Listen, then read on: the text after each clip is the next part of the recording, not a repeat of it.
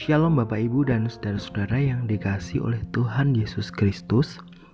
Hari ini Anda bersama-sama mengikuti episode pertama Renungan Embun Penyejuk. Bersama-sama kita akan belajar singkat tentang firman Tuhan dan mencari penguatan serta pengharapan di tengah-tengah masa di mana kita berperang bersama melawan virus corona.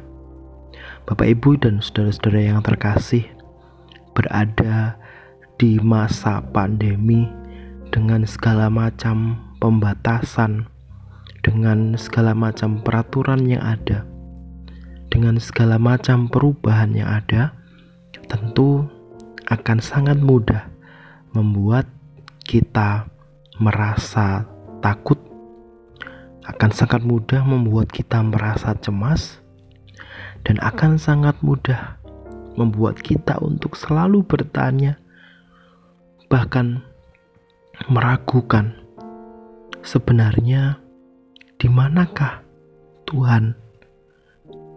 Apakah Tuhan membiarkan kita melalui semua ini? Atau apakah Tuhan menghukum kita karena selama ini kita telah banyak melakukan dosa. Pertanyaan-pertanyaan semacam ini sebenarnya adalah pertanyaan yang hanya akan membuat kita semakin merasa terpuruk, semakin merasa susah, dan semakin merasa tidak beruntung. Situasi seperti ini sungguh dapat membuat kita kehilangan kasih dan anugerah Tuhan yang sebenarnya senantiasa ada bersama-sama dengan kita. Wajar Bapak Ibu dan Saudara kalau di dalam kehidupan kita merasa kita ini sangat berdosa kita merasa kita ini patut untuk dihukum.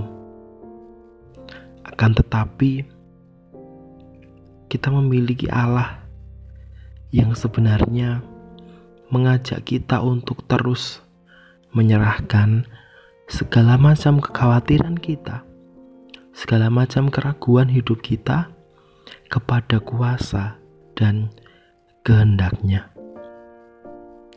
Memang kita ini orang yang berdosa, akan tetapi, kita memiliki Allah yang mau menjamin hidup kita.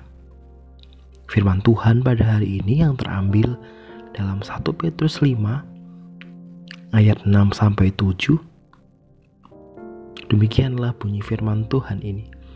Karena itu rendahkanlah dirimu di bawah tangan Tuhan yang kuat supaya kamu ditinggikannya pada waktunya.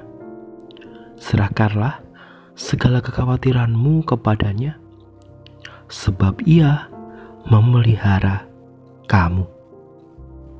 Firman Tuhan ini jelas menegaskan kepada kita bahwa dalam kehidupan ini ketika menghadapi apa pun, marilah kita senantiasa merendahkan diri, merendahkan hati, dan yakin bahwa kita berada di bawah tangan Tuhan yang kuat. Dengan demikian, kita pun akan ditinggikannya pada waktunya.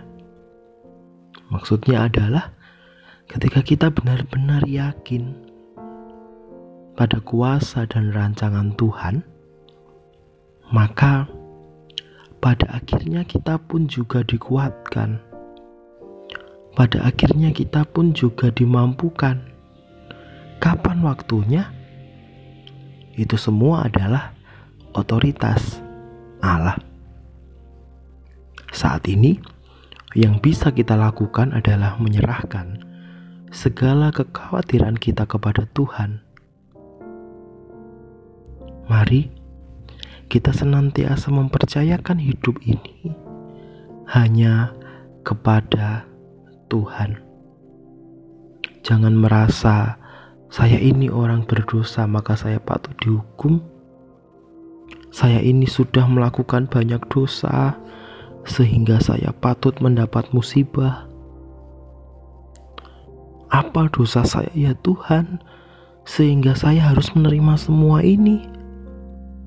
Semua pernyataan dan pertanyaan semacam ini hanya akan membuat kita merasa sedih bahwa kalau kita merasa kita berdosa untuk kemudian memohon ampun kepada Tuhan dan berbalik menuju jalan yang benar,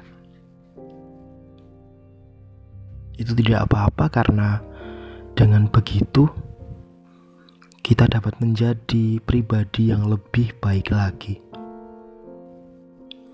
Tetapi kalau perasaan bersalah, perasaan berdosa itu hanya untuk melampiaskan rasa takut dan melampiaskan rasa khawatir, maka semuanya akan menjadi sia-sia saja. Bahkan, kita akan kehilangan kesempatan untuk menyadari bahwa sebenarnya Tuhan senantiasa memelihara kita.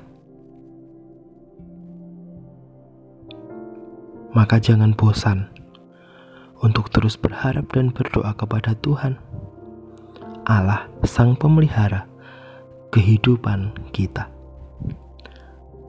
Mari kita berdoa. Kami mengucap syukur Tuhan karena kami memiliki Allah seperti Engkau. Allah yang sungguh baik, Allah yang memelihara kehidupan kami, Allah yang memiliki rancangan di dalam kehidupan kami. Meskipun rancangan Tuhan tidak dapat kami selami, tetapi biarlah kami senantiasa yakin bahwa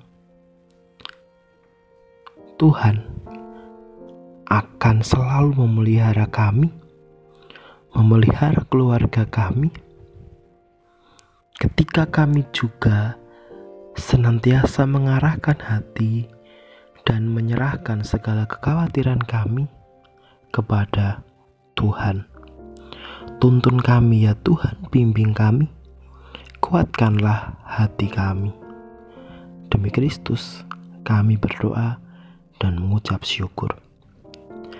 Amin. Demikianlah Bapak Ibu dan Saudara perenungan kita pada hari ini. Sampai bertemu kembali di dalam episode selanjutnya. Tuhan Yesus memberkati kita sekalian. Amin.